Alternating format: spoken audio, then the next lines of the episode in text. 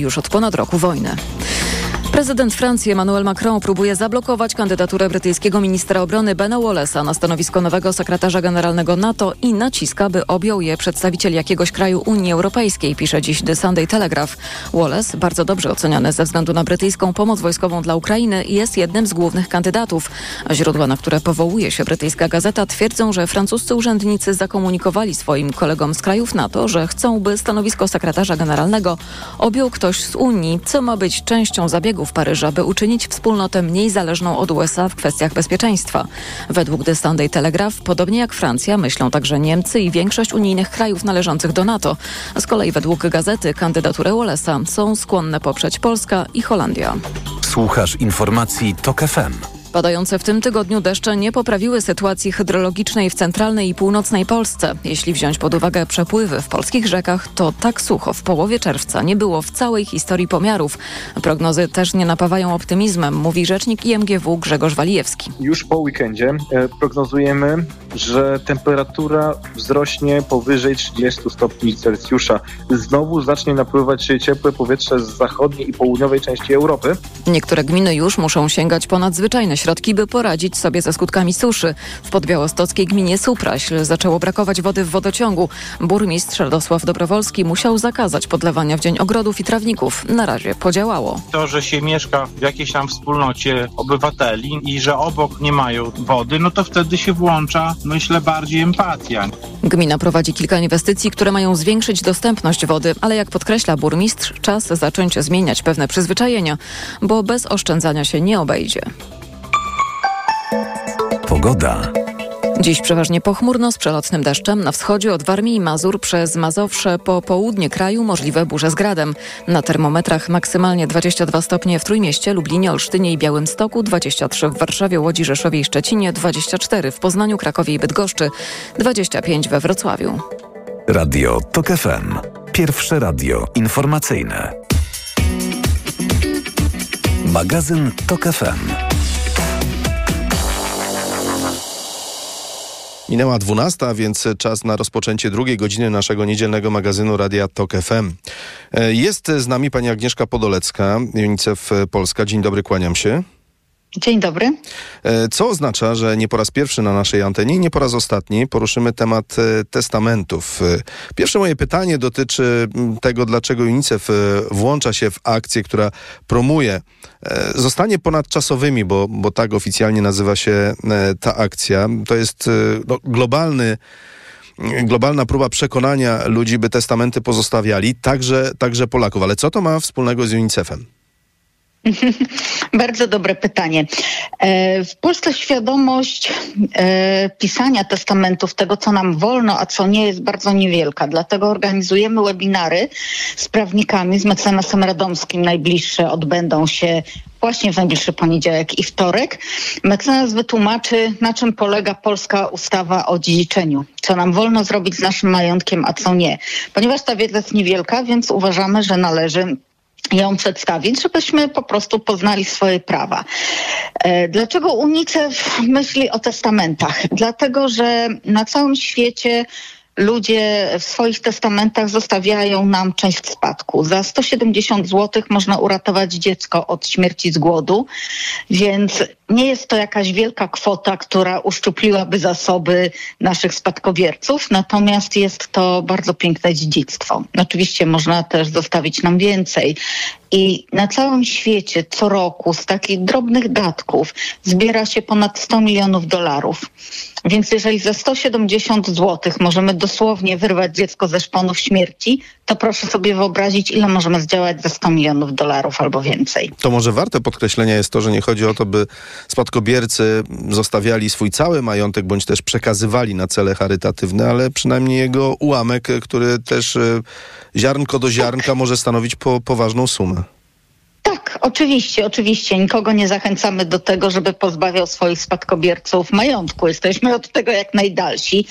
E, oczywiście są osoby samotne, które nie mają e, żadnej rodziny i wtedy one wspierają nas e, albo dużą częścią majątku, albo nawet całym majątkiem. Niemniej jednak większość z nas ma e, czy dzieci, czy męża, czy jakąś inną bliską rodzinę i oczywiście zabezpieczenie tej rodziny jest e, najważniejsze. Nasza ustawa polska o dziedziczeniu nie bierze w ogóle pod uwagę wnuków na przykład. Dziedziczą tylko dzieci. Więc jeżeli dziadkowie chcieliby zostawić dzieciom pieniądze na studia albo jakąś pamiątkę rodzinną, to mogą to zrobić wyłącznie w testamencie. I właśnie dlatego zapraszamy na e, nasze internetowe spotkania, e, żeby człowiek wiedział, co mu wolno zrobić ze swoim majątkiem. A jak już zabezpieczymy swoich bliskich i coś nam zostanie, no to wtedy będziemy wdzięczni za przekazanie tej kwoty na ratowanie dzieci z UNICEF. Mm, Sporządzenie testamentu to koszt kilkuset złotych mm, dla, Mhm. dla Nie, nie, nie. Nie, od razu, od razu wejdę panu w słowo. Sporządzenie prostego testamentu to jest koszt około 100 zł. Natomiast jeżeli e, robimy zapisy windykacyjne tak zwane, czyli zapisujemy konkretne rzeczy konkretnym osobom, na przykład mieszkanie córce, a działkę wnukowi, no to wtedy można zrobić zapis windykacyjny i on jest dodatkowo płatny. I on kosztuje około 250 zł. Natomiast e, takie prostsze testamenty kosztują około 100 zł. Także to nie jest duży koszt. Można również sporządzić testament odręcznie. On co prawda niesie pewne zagrożenia, dlatego że jeśli naszym spadkobiercom się nie spodoba ten testament, to mogą go po prostu zniszczyć, nie będzie po nim żadnego śladu. Ale tu dochodzimy do kolejnej rzeczy. Jak e, bierzemy się za dzielenie naszego majątku, którego no, nie zabierzemy w swoją ostatnią podróż, bo się po prostu nie da, to warto jest z rodziną porozmawiać na ten temat. E, Jak ja e, pisałam mój testament, to porozmawiałam z moimi córkami. Ja nie jestem osobą specjalnie zamożną, no ale jakieś tam meble, biżuteria przez całe życie się uzbierały, w związku z czym po prostu zapytałam moje córki, co im się podoba. I każda powiedziała, co im się podoba, więc zapisałam to tak, żeby każda wiedziała, co po mojej śmierci e, ma wziąć. A oprócz tego zostawiłam darowiznę, no taką, na jaką mnie było stać na rzecz UNICEF i moje dzieci, które mają w tej chwili 20 parę lat, są bardzo dumne z tego, że chcę swojej ostatniej podróży wesprzeć też te dzieci, które nie mają nikogo, kto by im mógł pomóc. Tak? Do, do takich dzieci właśnie dociera UNICEF. Dobrze, to skoro ten e, sporządzenie tego testamentu to koszt od 100 do 250 zł, jak pana, pani powiedziała, to dlaczego tak niewielu Polaków decyduje się sporządzić testament? testament? My mamy, zdaje się, jeden z najniższych e, odsetków tych, którzy zostawiają e, własną albo przekazują, przelewają na papier własną wolę, co zrobić z ich majątkiem. E, Wie pan co, ja myślę, że to wynika z tego, że e, ludziom się wydaje, że załatwia e, wszystko ustawa. E, a ustawa tak naprawdę bierze pod uwagę e, męża, jeżeli ktoś, ży, czyli męża żonę, czyli jeśli ktoś żyje w wolnym związku, to jego partner nie ma żadnego prawa do majątku, nawet jeśli przyczynił się do jego budowy. I ustawa bierze pod uwagę dzieci nie bierze pod uwagę już wnuków i dalszej rodziny. Bierze też pod uwagę dzieci nieślubne, a także te, które nie odzywają się do nas przez ostatnich 30 lat. W związku z czym e, ten majątek następuje po prostu, jest podzielony w równych częściach. I wydaje mi się, że ludzie myślą, że ustawa wszystko załatwi, natomiast nie myślą o tym, że mogliby podzielić majątek inaczej, zgodnie ze swoją wolą. Bo jeżeli mamy dwójkę dzieci i jedno wyprowadziło się do Ameryki 20 lat temu i w ogóle się do nas nie odzywa, a drugie jest na miejscu, opiekuje się nami w chorobie, e, jest przy nas, kiedy go potrzebujemy i zawsze ma dla nas serdeczne słowo, no to może będziemy chcieli ten majątek podzielić inaczej i temu dziecku, które jest przy nas, zapisać więcej, tamtemu, które wyjechało i się nie odzywa, zapisać dużo mniej. A jeśli zostanie nam chociaż tysiąc złotych, to za te tysiąc złotych, jeśli zapiszemy je na UNICEF, uratujemy życie siedmiorga dzieci. Więc myślę, że ta niska e, sporządzalność testamentu w Polsce wynika z tego, że po prostu ludzie nie mają świadomości, że mają prawo podzielić swój majątek zgodnie z własną wolą i zgodnie z własnymi wartościami. Mm, proszę powiedzieć, od momentu mm, ogłoszenia tej akcji przez UNICEF, mhm. z jakim odzewem się ona spotyka rokrocznie? Muszę powiedzieć, że bardzo dobrym i coraz większym. E, dzwoni mnóstwo ludzi momencie, gdy słyszą taką audycję jak e, nasza, czy widzą lub czytają naszą reklamę, e, dzwonią zapytać, jakie mają prawa, dzwonią zapytać, jaką kwotę zapisać na UNICEF, bo czasami im się wydaje, że jak zapiszą 100 czy 200 zł, to nie ma żadnego znaczenia, ale to jest nieprawda, to ma ogromne znaczenie. Dlatego jednego dziecka, które będzie mogło pójść do szkoły albo dostać obiad, albo być zaszczepione, każda kwota ma ogromne znaczenie. Więc muszę powiedzieć, że świadomość w polskim społeczeństwie rośnie i odzew jest coraz większy.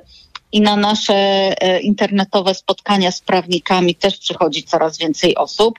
Ja bardzo Państwa zapraszam, żeby wejść na naszą stronę unicef.pl ukośnik testament. Tam można sobie wybrać termin webinaru. On się odbędzie jutro i pojutrze o godzinie 18.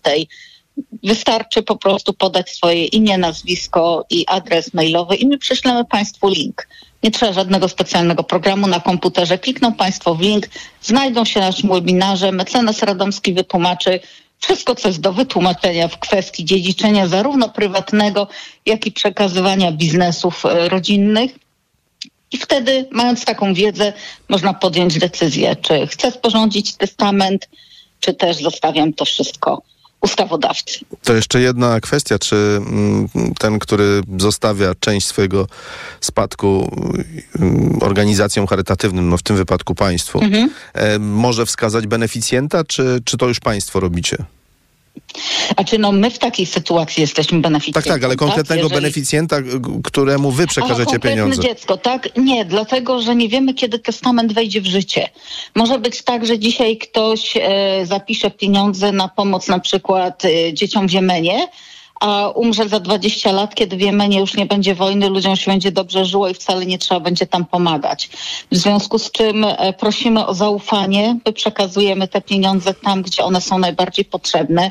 Co roku publikujemy raport, w którym tłumaczymy się z każdej wydanej złotówki. Ten raport jest na naszej stronie internetowej. Można zobaczyć, na co te pieniądze są wydawane. Więc e, no, dzisiaj nie wiadomo, na co te pieniądze pójdą, tak? Chyba, że człowiek człowiek jest ciężko chory i wie, że niedługo umrze, no to oczywiście wtedy może zaznaczyć, że chce na pomoc dzieciom w Jemenie, Etiopii czy Ukrainie, no bo powiedzmy w najbliższy rok czy dwa sytuacja się nie zmieni. Ale tak generalnie to lepiej jest po prostu zapisać na organizację i te pieniądze trafią tam, gdzie będą najbardziej potrzebne. Po jednej z rozmów e, na ten temat e, w ubiegłym roku e, zapytałem kilkoro znajomych, czy zostawiają testament, a jeśli tak, to mm, czy zamierzają tam wskazać organizację, której też chcieliby przekazać choćby źdźbło e, swoich środków? E, mhm. Wie pani, z czym, z jaką odpowiedzią często się spotykałem? Mianowicie nie. taką, lepiej nie kusić losu. My mamy w sobie taką taką obawę, że, jeś, że jeśli będziemy już za życia i to nawet bardzo często, będąc w kwiecie wieku, wskazywać beneficjentów e, swojego majątku, to, to, to podkusimy los. Ja mówię to pół żartem, pół serio, ale, by, ale tak, choćby a po na widok czarnego kota należy się obrócić, żeby nam nie przeszedł drogi. No i 13, to, i 13 nie należy wychodzić z domu.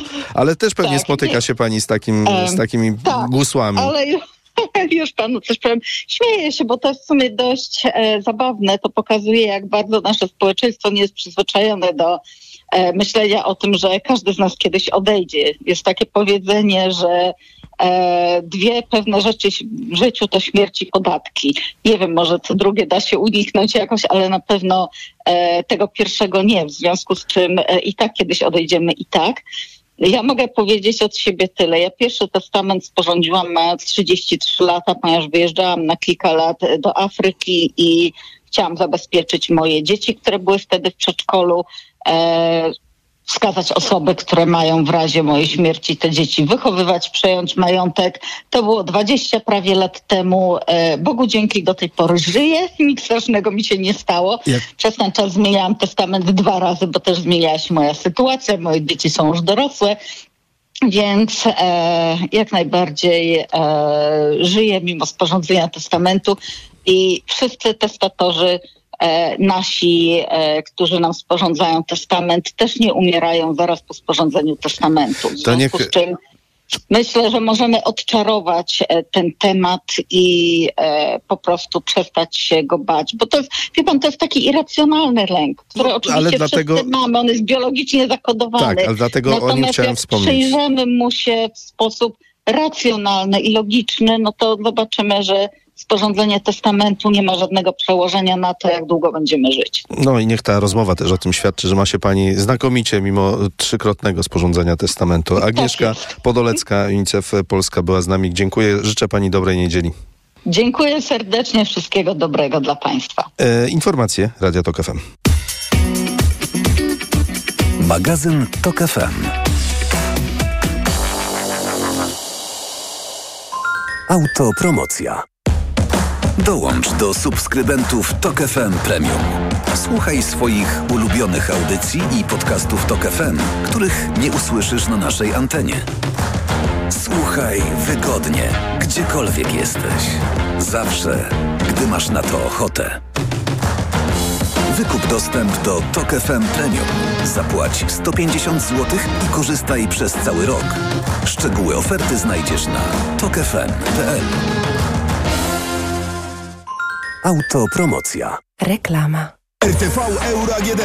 Rewelacja! Teraz w euro nawet do 40 lat 0% na cały asortyment. RRSO 0%. Teraz odkurzacz bezprzewodowy Dyson V15 Detect Absolute do 60 minut pracy. Elektroszczotka w 40 latach tylko 86 zł miesięcznie. Kupuj w niskich ratach, to się opłaca. Szczegóły i regulamin w sklepach euro i na euro.com.pl. W upały twoje dziecko bardzo się poci. Chcesz mu dać wodę? To może być za mało. Pocąc się, dziecko traci elektrolity, w tym wapń potrzebny do rozwoju kości. Podaj mu tabletki musujące Hydro Optima Junior. Suplement diety Hydro Optima Junior dostarcza niezbędne elektrolity i co ważne w przypadku dzieci, zawiera wysoką dawkę wapnia. Hydro Optima Junior ma pyszny pomarańczowy smak, mimo niskiej zawartości cukrów. Hydro Optima Junior. Zdrowe nawodnienie dla twojego dziecka. Aflofarm. Żyć lepiej. Psychologia codziennie. Rozmowy z ekspertami, reportaże, felietony i poradniki, które pomogą zadbać o kondycję psychiczną i pozwolą lepiej zrozumieć siebie. Czytaj na wysokieobcasy.pl ukośnik Żyć lepiej.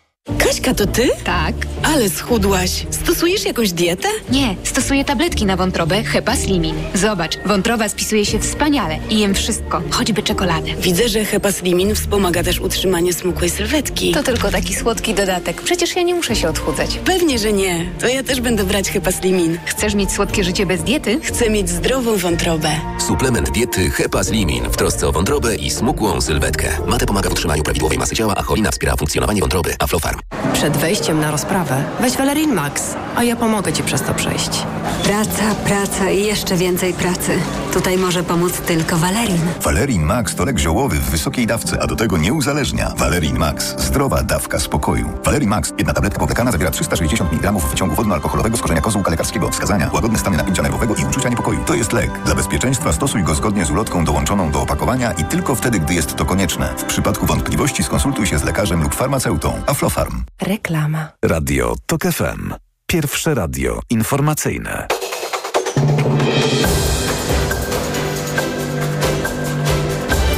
Dwunasta dwadzieścia dwie. Agnieszka Lipińska. Już 11 regionów z ostrzeżeniami przed burzami z gradem to warmińsko-mazurskie, część kujawsko-pomorskiego, mazowieckiego, województwo łódzkie, świętokrzyskie, podkarpackie, małopolskie, część lubelszczyzny, śląska, opolszczyzny i wielkopolski. W czasie burz może spaść nawet 35 mm deszczu. Sudańska Armia Rządowa i paramilitarne siły szybkiego wsparcia uzgodniły 72-godzinne zawieszenie broni w trwającej od połowy kwietnia wojnie domowej. Ma obowiązywać od dziś. Tymczasem jeszcze wczoraj zacięte walki trwały w rejonie Hartumu. Lotnisko w Mediolanie, rodzinnym mieście Silvio Berlusconiego, może zostać nazwane jego imieniem. Taka propozycja padła kilka dni po śmierci byłego premiera Włoch. Teraz rozważają Ministerstwo Infrastruktury i Transportu. Więcej informacji o 13. Radio TOK FM. Pierwsze radio informacyjne.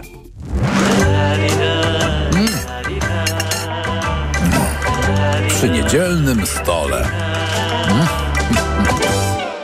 Przy niedzielnym stole Przemysław Iwańczyk, kłaniam się Państwu. Dziś naszym gościem jest Hubert Jabłoński. Dzień dobry, kłaniam się. Dzień dobry, witam wszystkich. Kucharz osobisty, bo tak się przedstawiasz, tak funkcjonujesz nie tylko w swoim środowisku, ale również w mediach społecznościowych.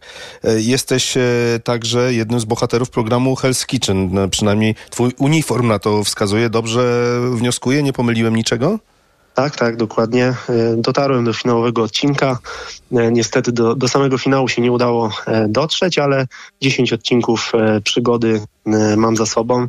No i na pewno otworzyło mi to sporo gdzieś tam drzwi w świecie gastronomii, ale nie tylko. No i w połączeniu z dotychczasową ciężką pracą, którą wykonałem i doświadczeniem, przekłada się to na to, gdzie dzisiaj jestem i, i co robię. Słuchaj, słyszałem o rozmaitych stanowiskach. Szef kuchni, ktoś, kto dopiero uczy się tego zawodu, pasjonat kulinarny, ale kucharz osobisty, szczerze mówiąc, pierwszy raz słyszę i pierwszy raz zetknąłem się z tym pojęciem przy okazji rozmowy z tobą. Czy to oznacza, że ty masz kilku ludzi, którzy rozsmakowują się w potrawach i jesteś ich osobistym kucharzem? I chodzi, nie wiem, o same VIPy? Niekoniecznie o same VIPy, ale mniej więcej tak to wygląda, że jestem e, momentami na wyłączność e, gości, którzy zaproszą mnie czy to do swojego domu, czy do, do swojej firmy, albo też po prostu jakiegoś miejsca zewnętrznego, które się nadaje do organizacji takiej e, uroczystości. I tak jak mówisz, w Polsce to jest jeszcze dość nowy temat, rzadko spotykany i często właśnie budzi takie zaskoczenie wśród e, osób, które które gdzieś tam słyszą o mojej, o mojej usłudze. Natomiast y, za granicą jest to o wiele bardziej powszechne i też nawet y, tak typowo zawodowo jest to lepiej rozwiązane, bo u nas chociażby podatki czy sanepid jeszcze nie obejmują czegoś takiego i tutaj są problemy z tym, jak to wszystko dobrze ugryźć pod kątem firmy prowadzenia, żeby tutaj urząd żaden się nie doczepił. Natomiast wygląda to właśnie w ten sposób, że ktoś organizuje uroczystość, czy to e, tak jak ostatnio mieliśmy sezon na komunie, czy, czy urodziny, wesela nawet. E, przyjeżdżam do domu e, już z wcześniej podszykowanymi e, potrawami, wykańczam je e, tuż przed samym jakby podaniem, więc wszystko jest jak najbardziej świeże i, i na to też bardzo dużą wagę kładę. E, i obsługuję gości przy stole, serwuję wszystkie dania, jestem z nimi, opowiadam o tym, co znajduje się na talerzu czy, czy na stole, e, więc też e, bardzo fajny jest ten kontakt z gościem. No tak, ale chodzi też o to, żeby gość zobaczył, w jaki sposób to przygotowujesz i do każdego dania prawdopodobnie dołączył jakąś historię, bo rozumiem, że robisz to na jego oczach i, i, i w najmniejszym stopniu chodzi o rosół z makaronem i, i schabowego, podawanego, nie wiem, na komuniach na przykład. Zdecydowanie też właśnie jest ten plus, że często często goście mają e, szansę gdzieś tam zobaczyć, o ile może goście trochę rzadziej, bo zazwyczaj goście już przychodzą na, na, na to zwane, na tak zwane gotowe. Natomiast e, szczególnie organizatorzy, tak, czyli przykładowo ta rodzina, która organizuje komunię, może trochę podpatrzeć, podpytać. Ja też nigdy nie kryję e, się z, z przepisami. Jeżeli ktoś mnie pyta, jak coś zostało zrobione, bo jest takie dobre, to nie mam problemu, żeby mu to e, gdzieś tam przedstawić i, i nawet zostawić później napisany przepis, żeby mógł sobie postarać się chociaż to odtworzyć. I to jest, to jest na pewno duży plus tego, tak? Tego kontaktu, tego takiego bycia trochę na wyłączność właśnie. A słuchaj, nie wiem, do głowy przychodzi mi intuicja, mi podpowiada, że kucharz osobisty to jest jak gdyby pomysł, który zrodził się w czasach pandemii, kiedy lokale były pozamykane, a mimo to ludzie pragnęli takiej uczty kulinarnej i to takiej, która wychodziłaby po, spod ręki fachowca, a nie, a, nie, a nie kogoś, komu wydaje się, że fachowcem jest. Dokładnie. Ja mm, w ten sposób tak naprawdę działam już e, myślę około czterech lat, ale do tej pory przez te pierwsze trzy lata niecałe, no to było raczej gdzieś tam gotowanie po znajomych, e, tak raczej e, okazjonalnie. Natomiast właśnie pandemia gdzieś popchnęła mnie do tego, żeby założyć firmę i zdecydować na wejście w to już pełną parą. Bo tak jak mówisz, przyszła pandemia, gastronomie zaczęły się zamykać. Ja też wtedy straciłem pracę z tego powodu i stwierdziłem, że wystartuję w projekcie o dofinansowanie na założenie firmy. E, udało się, dostałem e, pieniądze, założyłem firmę e, i tak naprawdę trafiłem w złoty czas, bo w momencie, kiedy zaczynałem, były chociażby te głośne wigilie do pięciu osób, więc żadne sale, żadne restauracje nie mogły organizować chociażby firmowych wigilii albo jakichś też innych po prostu później uroczystości. A ja jak najbardziej coś takiego po cichu mogłem zrobić chociażby w biurze firmy, a dysponuję powiedzmy taką mobilną kuchnią, które, którą mogę ze sobą zabrać, która też pozwoli mi e, większość dań wykończyć na miejscu, e, więc mam chociażby za sobą taką wigilię e, na stolarni, gdzie po prostu dookoła stały widlaki, deski, trociny. Na środku postawiliśmy z dyrektorami stół i zrobiliśmy firmową wigilię połączoną z urodzinami jednej z firm, więc wyszło wszystko super, fajna zabawa, bardzo dobry też efekt końcowy i przede wszystkim wszystko smakowało. Jest to taka jedna ze śmieszniejszych, można powiedzieć, historii. E, No dobrze, a powiedz, czy kucharz osobisty musi, powinien mieć, nie wiem, wszystkie takie sprzęty, które ma na przykład szef kuchni w danej restauracji, czy, czy jednak y, y, to nie jest potrzebne i nie musisz targać ze sobą na plecach kuchni z 10 palnikami i 68 garnków, kiedy idziesz do E, kogoś? No to jest właśnie mm, tak naprawdę najbardziej zależne od menu, które się ustali e, i też od tego, co e, dany klient, gość ma, ma u siebie w domu. Jeżeli, jeżeli właśnie gotuje u kogoś w domu, no to jest ten plus, że no zazwyczaj jest kuchnia, która ma kuchenkę, ma piekarnik, jakieś podstawowe mm, e, przyrządy. E, Jeżeli jest coś e, potrzebnego do zabrania, takiego e, może mniej popularnego, no to ja dysponuję swoim sprzętem, na który właśnie to dofinansowanie w szczególności po, poświęciłem. E, No i mam ten komfort, że jeżeli nawet ktoś nie ma kuchenki, bo robię to u kogoś w firmie, zabieram swoje indukcje, e, czy swoje mm, sous vide, czy blendery, tak naprawdę wszystko, co jest potrzebne. I zazwyczaj po prostu przy dogadywaniu e, menu ustalam, e, co chcemy, jakie też mamy warunki na miejscu, co możemy zrobić, co niestety ze względu na dane warunki jest wykluczone.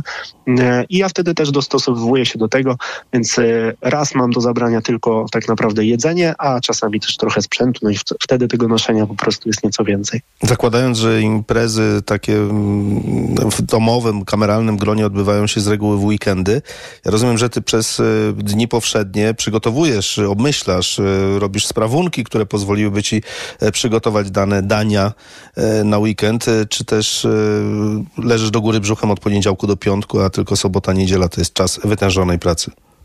To znaczy, ja ogólnie jestem osobą, która ma bardzo dużo zajęć i, i rodzina, znajomi się śmieją, że trochę dużo srok za ogon trzymam, e, więc e, no tego, e, tego, tego leżenia brzuchem e, raczej dużo nie ma. Natomiast e, tak jak mówisz, jeżeli już chodzi stricte o e, obsługę takich uroczystości, to faktycznie najwięcej jest ich w weekendy, więc no to jest ten koszt, który gdzieś tam muszę zapłacić, że tych weekendów wolnych mam niewiele.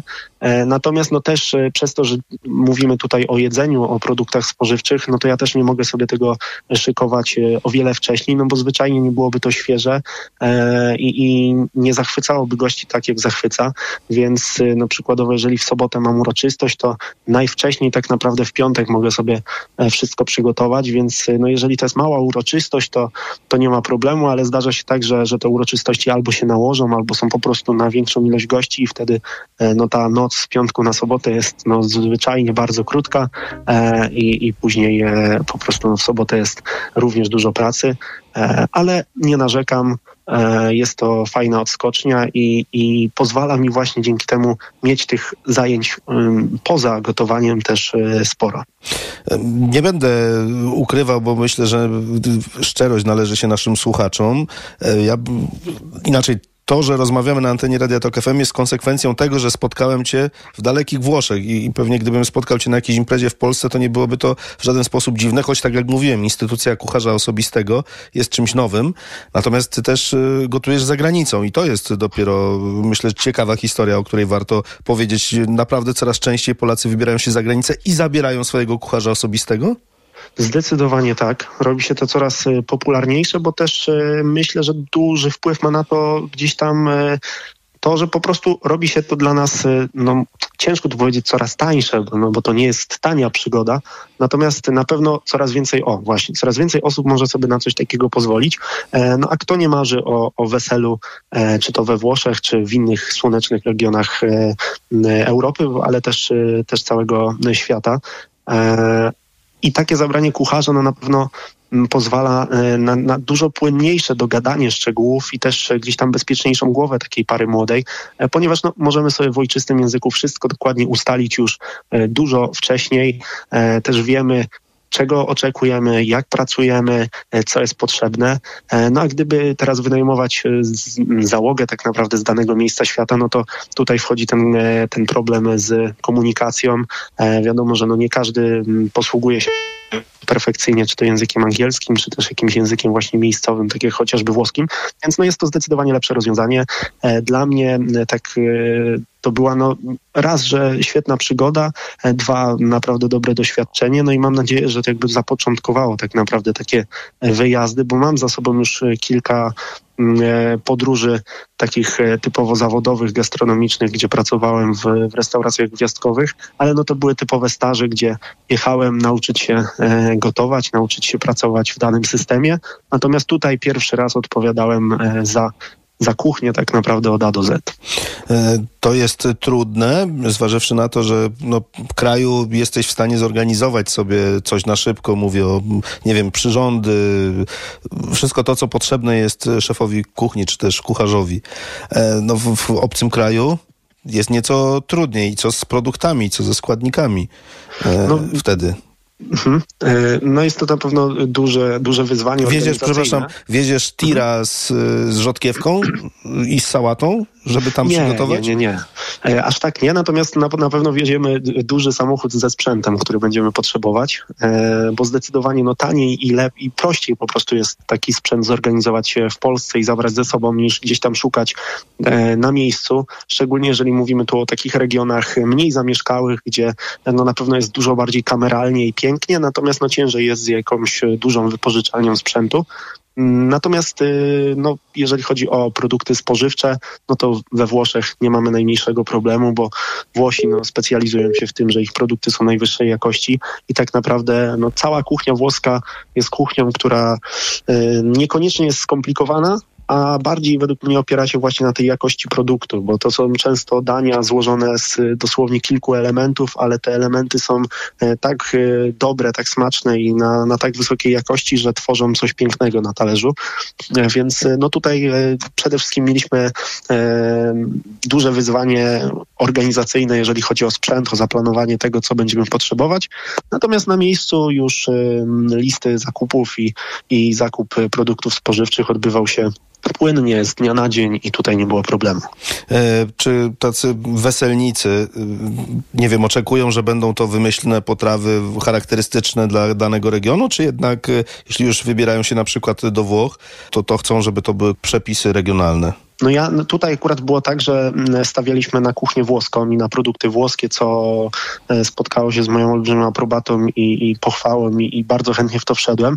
No i gdybym e, w przyszłości jeszcze miał takie sytuacje i nawet trafiłbym na parę, która by chciała e, jechać do Włoch, a, a mieć wesele polskie, to raczej starałbym się w sposób jak najbardziej kulturalny, ale jednak odciągnąć od tego pomysłu, bo ja jestem zdania, że jeżeli gdzieś jedziemy, to nie tylko poznajmy kulturę danego miejsca, ale przede wszystkim poznajmy kuchnię kuchnię danego miejsca, więc e, dla mnie totalną e, no, głupotą jest e, gdzieś tam jechanie na, na drugi koniec świata czy Europy i próbowanie zjedzenia takich klasycznych dań, które mamy dostępne wszędzie. Ja zawsze chcę próbować tej prawdziwej kuchni miejscowej, więc tak jak byliśmy we Włoszech, tak jedliśmy włoską kuchnię, pracowaliśmy na włoskich produktach i to jest coś, co, co mnie bardzo cieszy i, i jest według mnie piękne i smaczne i cudowne. Dobrze, to teraz e, jeszcze zadam Ci pytanie, potraktuję proszę pół żartem, pół serio. Jak to jest przygotować w 2 godziny 70 pizz No to jest śmieszna przygoda, która gdzieś tam nas zaskoczyła na miejscu, bo e, mieliśmy mieć pizzermana, okazało się niestety trochę inaczej, e, ale, ale daliśmy radę i to jest e, też kolejna rzecz, która, na którą musimy być przygotowani, kiedy chcemy wystartować z taką usługą, jaką jest prywatny kucharz, że poza ustaleniami, które są wcześniej, bardzo często na miejscu może nas sytuacja zaskoczyć, czasami delikatniej, czasami o wiele bardziej i nie można się wtedy gdzieś tam denerwować, zamykać, trzeba szukać rozwiązania, być kreatywnym. E, I, I to dla jednych jest plus, dla drugich minus. Ja jestem osobą bardzo spontaniczną, która uwielbia w sumie takie, takie wyzwania, przygody, więc mnie to akurat e, cieszyło, bo e, chociaż na początku delikatny stres się wkradł, że kurczę, nigdy nie kręciłem tak naprawdę pizzy poza jakimiś tam pojedynczymi sytuacjami, a tutaj mam nagle 70 e, placków do, do wykręcenia w ciągu tam dwóch, trzech godzin, e, ale daliśmy radę. Finalnie wszystkim smakowało, wszystko wyszło. E, I, I, ja z tego czuję olbrzymią dumę i, i radość, po prostu, że, że sprostaliśmy temu zadaniu. Więc no, da się, wszystko się da. Kwestia tak naprawdę organizacji i podejścia. 15 sekund, nie, pół minuty mamy. Powiedz, y, tobie Hell's Kitchen mocno otworzyło drzwi do takiej kariery kucharza osobistego, twoim zdaniem? Moim zdaniem tak. E, To jest oczywiście, tak jak podkreślam cały czas, e, połączenie programu, ale też doświadczenia i tych wielu lat pracy, które mam za sobą pomimo młodego wieku. E, Więc to był taki kluczyk do drzwi, pod którymi już mocno stałem i które już próbowałem od dawna wyważyć. Dziękuję bardzo. Hubert Jabłoński, kucharz osobisty, był dziś naszym gościem, opowiadając o no, czymś stosunkowo nowym, jeśli chodzi o, o kulinaria w Polsce, w Europie i może nawet na świecie. Dziękuję Ci bardzo. Dobrej niedzieli życzę. Dziękuję również, wszystkiego dobrego. Naszych słuchaczy zapraszam teraz na informacje.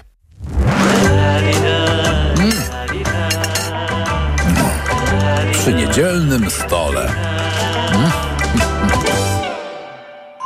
Autopromocja. Tok FM i Podcastex prezentują lub czasopisma. Nowy podcast. Tylko w Tok FM Premium.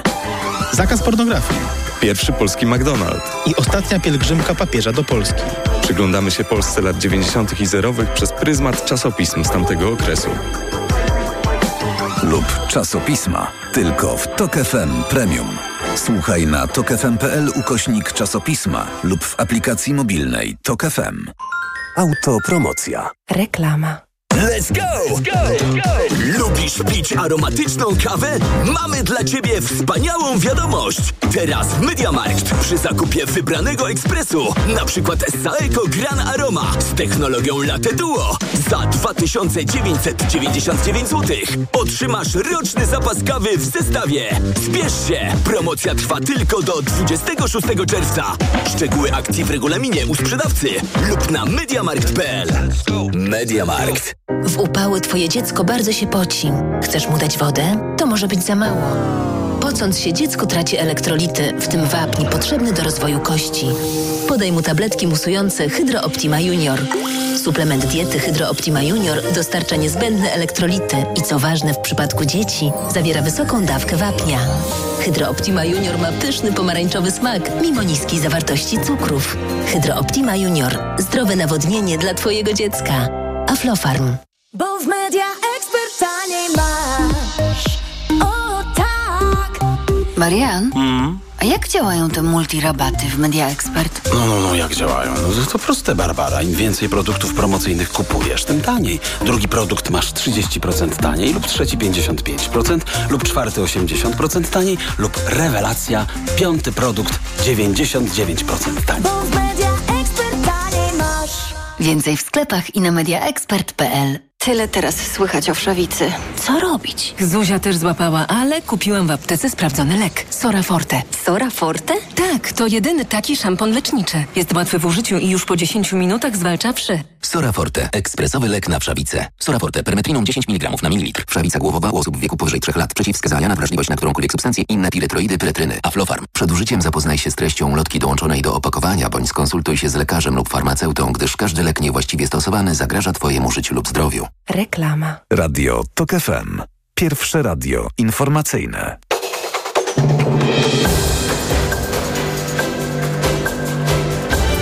Dwunasta czterdzieści jeden. Agnieszka Lipińska. Rosjanie chcą wywieźć prawie 300 dzieci z okolic Berdiańska na południu Ukrainy do Czuwaszii, Rosyjskiej Republiki nad Środkową Wołgą, poinformował Iwan Fedorow, lojalny wobec ukraińskich władz mer Melitopola. Ocenił, że dzieci wysłane 1600 km od domu w głąb Rosji będą teraz przetrzymywane w tym kraju jako zakładnicy. Wielka Brytania przedłuża pomoc dla Ukrainy w zakresie cyberbezpieczeństwa. Rząd w Londynie poinformował, że program będzie działać przez najbliższe dwa lata i zostanie dofinansowany kwotą do 25 milionów funtów. Brytyjski piosenkarz Robbie Williams po wykonaniu zaledwie trzech utworów przerwał swój występ podczas festiwalu Pink Pop. Publiczności wyjaśnił, że to efekt przewlekłego COVID-u, a nie wieku. Media zauważają, że artysta wyglądał na zmęczonego i w trakcie swojego show bazował w dużej mierze na chórkach oraz rozmowach z publicznością. Więcej informacji o 13. Radio Tok FM. Pierwsze radio informacyjne. Jak z dzieckiem. Jak z dzieckiem w niedzielnym magazynie Radia Tok FM Przemysław Iwańczyk y, przy mikrofonie, a z Państwem jest y, rozmówca doskonale znany, mm, jeśli chodzi o nasz cykl, także autor książek y, z serii To, o czym dorośli ci nie mówią. Boguś Janiszewski, dzień dobry, kłaniam się. Dzień dobry. Dzisiaj dotkniemy tematyki no, bardzo i trudnej zarazem w przekazie dla najmłodszych, ale i też bardzo istotnej z punktu e, widzenia sensu ludzkiej egzystencji.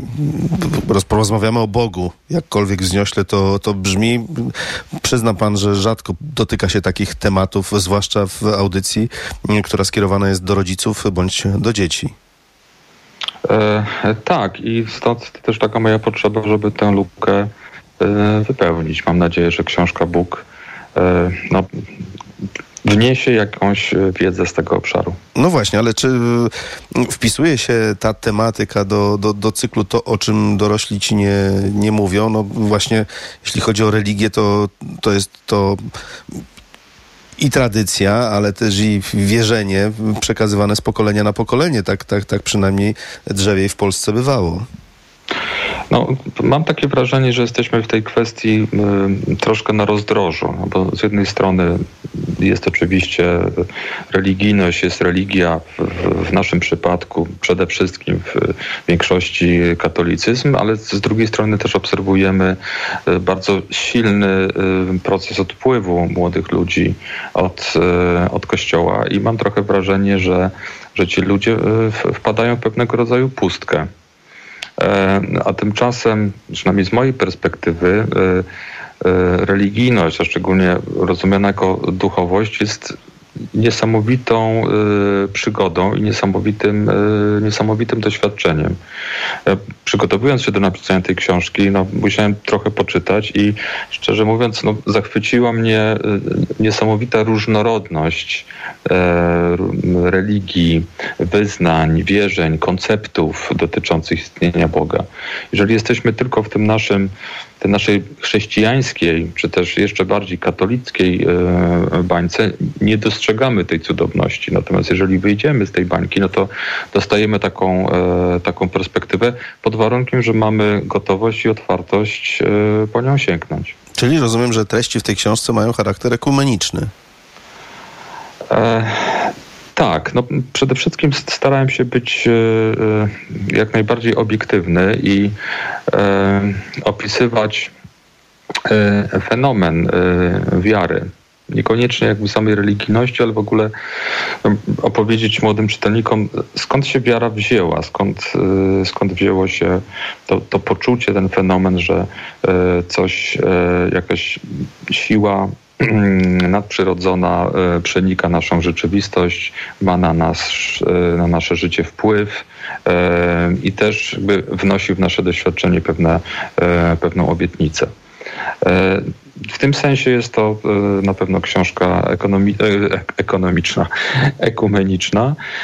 Natomiast no, staram się jakby dotrzeć do, do samych źródeł naszej wiary, no bo przecież ta pierwotnie wyznawana wiara, ta, z której wyrosły później wielkie religie, no była zupełnie inna. E, Pan przedstawia wszystkie religie, no wszystkie, wszystkich może nie, ale te najważniejsze religie e, świata też opierając się na, na danych, czyli chodzi nie tylko, żeby w ten mistyczny świat e, czytelnika przenieść i, i pokazać jego różnorodność, ale, ale także w jakiś sposób wyposażyć też w taką elementarną wiedzę dotyczącą faktów. E, tak, no, próbuję na przykład porównywać religie. E, To, co mnie zaskoczyło, przygotowując się do pisania tej książki, to to, że tak naprawdę e, zdecydowaną większość ruchów religijnych, powiem kolokwialnie, ogarniają dwa potężne systemy. Pierwszy z nich to tak zwane religie abrahamowe, czyli ch- chrześcijaństwo, islam e, i e, religia wyznawana przez, e, przez Żydów. Są to religie, które mają tak naprawdę wspólną ideę Boga, mają tych samych proroków, różnią się w pewnych e, szczegółach, ale różnią się e, istotnie. I to jest jeden potężny system, a drugi system to są, e, to są tak zwane religie indyjskie, czyli hinduizm, a potem wyrastający z niego buddyzm, sikhizm, e, dżinizm i to jest druga potężna i nieco inna koncepcja tego, jak postrzegana jest idea, e, idea Boga. Jeżeli przyjrzymy się i będziemy analizowali różne systemy religijne, to prędzej czy później tak naprawdę zaszufladkujemy je do tych dwóch potężnych, e, e, potężnych systemów. Zaintrygowały mnie szczególnie dwa rozdziały, jeden zwłaszcza, jak się robi religię. Przyznam, że nie wpadłbym, żeby w ten sposób e, przedstawić religię e, świata. No właśnie, to zechce pan też, żeby nie spoilerować, opowiedzieć, jak się robi religię? No to jest troszkę takie moje prze, przewrotne podejście. Ja jestem z natury systemowcem i, i, i w, w, w materii, które, którą opisuję, staram się szukać e, pewnych powiązań, relacji i no, tak zwanych systemów. E, no to musiałbym chwilę powrócić do, do tej pierwotnej mm, idei wiary, no bo dawno, dawno temu e, e, nasi przodkowie mieli poczucie, że e, świat przenika jakaś, e, jakaś potężna siła. I ta siła jest e, wszędzie, w- kamieniu, w drzewie, w nas, w zwierzętach. E, I jesteśmy częścią tej siły. I mm, z, z tego bardzo takiego ogólnego e, pojęcia e, zaczęły wyrastać wiary, które konkretyzowały pojęcie, e, pojęcie Boga. No i nadszedł taki moment, że ten Bóg, który żył właśnie w każdym kamieniu i w każdej dziupli, e, nagle wyprowadził się do, e, do nieba i stał się tym samym mocno wywyższony, ale też troszkę nieobecny. No I to był początek tak naprawdę tworzenia się systemów religijnych i to też staram się opowiedzieć e, i pokazać e, młodym czytelnikom. Skąd się to wszystko e, wzięło.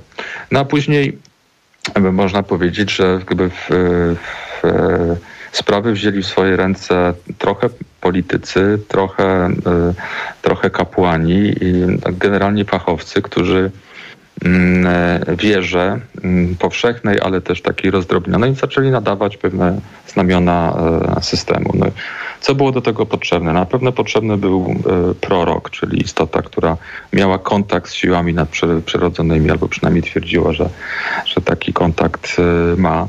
E, Potrzebne były księgi, które zapisywały wiedzę religijną i dzięki którym można było zawsze sięgnąć i sprawdzić, w co wierzymy, a w, co nie wierzymy. Potrzebne były miejsca kultu, a wcześniej nie było one potrzebne, wystarczyło drzewo albo, e, albo polana w lesie. E, Potrzebni byli e, kapłani i potrzebne były rytuały. Jeżeli dzisiaj jakby przyglądamy się różnym systemom religijnym, no to za- zazwyczaj te elementy w nich znajdujemy. E, Właściwie czyni pan to pod koniec książki, też w tym kolejnym rozdziale, jak przekonać ludzi do wiary, ale czy nie ma pan wrażenia, że, że jeśli ta książka powstałaby, nie wiem, za 10 lat, to musiałby pan e, bardzo po- poważną jej część poświęcić e, praktykom ateistycznym? No, Generalnie nie wierzę w nic.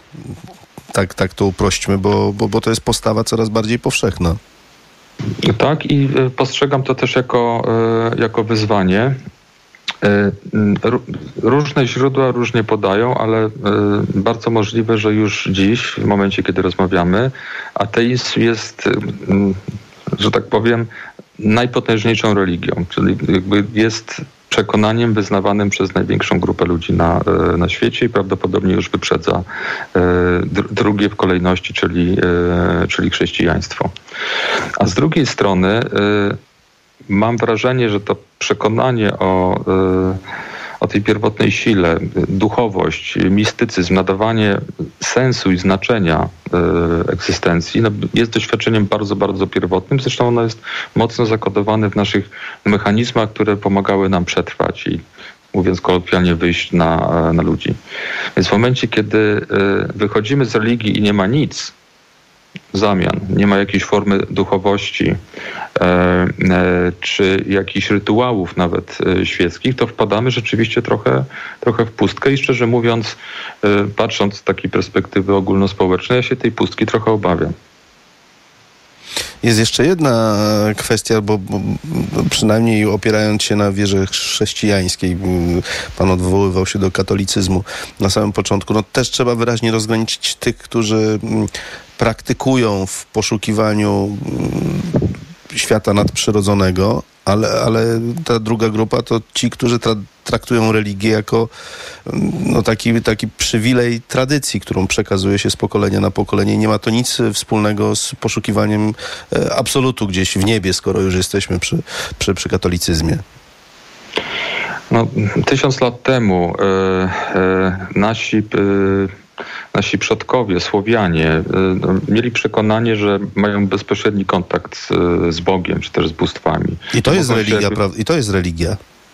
I, I właśnie, i, i mogli e, się z tymi bóstwami praktycznie w każdym temacie dogadać e, i mieli pomysły na to, jak rozwiązywać różne, e, różne sytuacje za pomocą modłów, e, zaklęć, rytuałów. I to, to przekonanie było wszechobecne, ale jednocześnie to przekonanie dawało poczucie bezpieczeństwa, znaczy, że mam wpływ na swoją egzystencję. Tym samym jestem bardziej, bardziej bezpieczny. E, Dzisiaj, ponieważ chcąc, nie chcąc, trochę pozbawiamy się jakby tego, e, tego przekonania. E, W dobie nauki może się nam wydawać nawet niedorzeczne. No, stajemy przed alternatywą, no, gdzie szukać tego sensu. Proszę I to jest potężne wyzwanie. Tak, ja już o, o to pana pytam za każdym razem, niezależnie od tematu książki z, z cyklu, za którym pan stoi. Ale w tak trudnej materii, jaką jest y, religia, no, trzeba wyraźnie tutaj zróżnicować ten przekaz, kiedy mówimy do najmłodszych naj, a kiedy mówimy do tych y, starszych, którzy to już y, próbują e, poszukiwać takiego życiowego pragmatyzmu, a, a nie odwołań do, do, do, do rzeczy, które trudno sobie wyobrazić. A jakie jest pytanie? No pytanie jest takie, jak pan sobie z tym poradził? No, no, bo, no bo inaczej mówi się o religii do 5-7-latka, inaczej do 14 i więcej. No, moja książka jest adresowana do, do młodych ludzi, no powiedzmy w wieku od 8-9 lat, No, ale myślę, że też e, starsi czytelnicy znajdą, znajdą tu dużo e, interesujących dla siebie, mm, e, dla siebie treści. Nie, wiem, jak odpowiedzieć na Pana e, pytanie, bo ta tematyka wydaje mi się na tyle e, uniwersalna, e, opowieść o na przykład o tym, jak różne religie wyobrażają sobie ideę piekła. Mm, To dla mnie też było intrygujące, że są piekła, w których naprawdę no, dzieje się piekło, na przykład piekła chrześcijańskie, ale dla Żydów Szeol jest takim miejscem, które raczej zionie nudą niż, e, e, niż jest e, przerażający. Więc wydaje mi się, że to mogą być treści intrygujące zarówno dla młodszego czytelnika, ale też angażujące poznawczo tę starszą grupę i mam nadzieję, że tę starszą grupę czytelników też ta książka zmotywuje do tego, żeby poszukiwać jakiegoś własnego chociażby elementu czy pierwiastka duchowości. To niech zabrzmi jak zachęta, by po książkę sięgnąć. My też e, Państwu proponujemy, byście pisali do nas na adres dla was małpatok.fm, dla was małpatok.fm. Mamy dla Państwa e, książki. E, To, o czym dorośli ci nie mówią. Dziś temat religia, dziś temat Bóg. Autor tej książki, Boguś Janiszewski, był z nami. Bardzo Panu dziękuję. Dziękuję bardzo. Naszych słuchaczy, tak, do usłyszenia. Naszych słuchaczy też zapraszamy na informacje Radia Tok FM. Jak z dzieckiem. Dyktator, który chce odbudować imperium, nigdy nie będzie w stanie wygrać z zamiłowaniem ludzi do wolności. Brutalność nie zwycięży z wolą wolnych ludzi. Ukraina nigdy nie będzie zwycięstwem Rosji. Nigdy. Teraz, kiedy prezydent Stanów Zjednoczonych, państwa, które ma prawdopodobnie największą sprawczość wciąż, mówi o tym, że Ukraina nigdy nie będzie zwycięstwem Rosji, to wydaje się, że to może być prognoza na przyszłość. Radio TOK FM. Pierwsze radio informacyjne. Posłuchaj, ściub zrozumite. Reklama.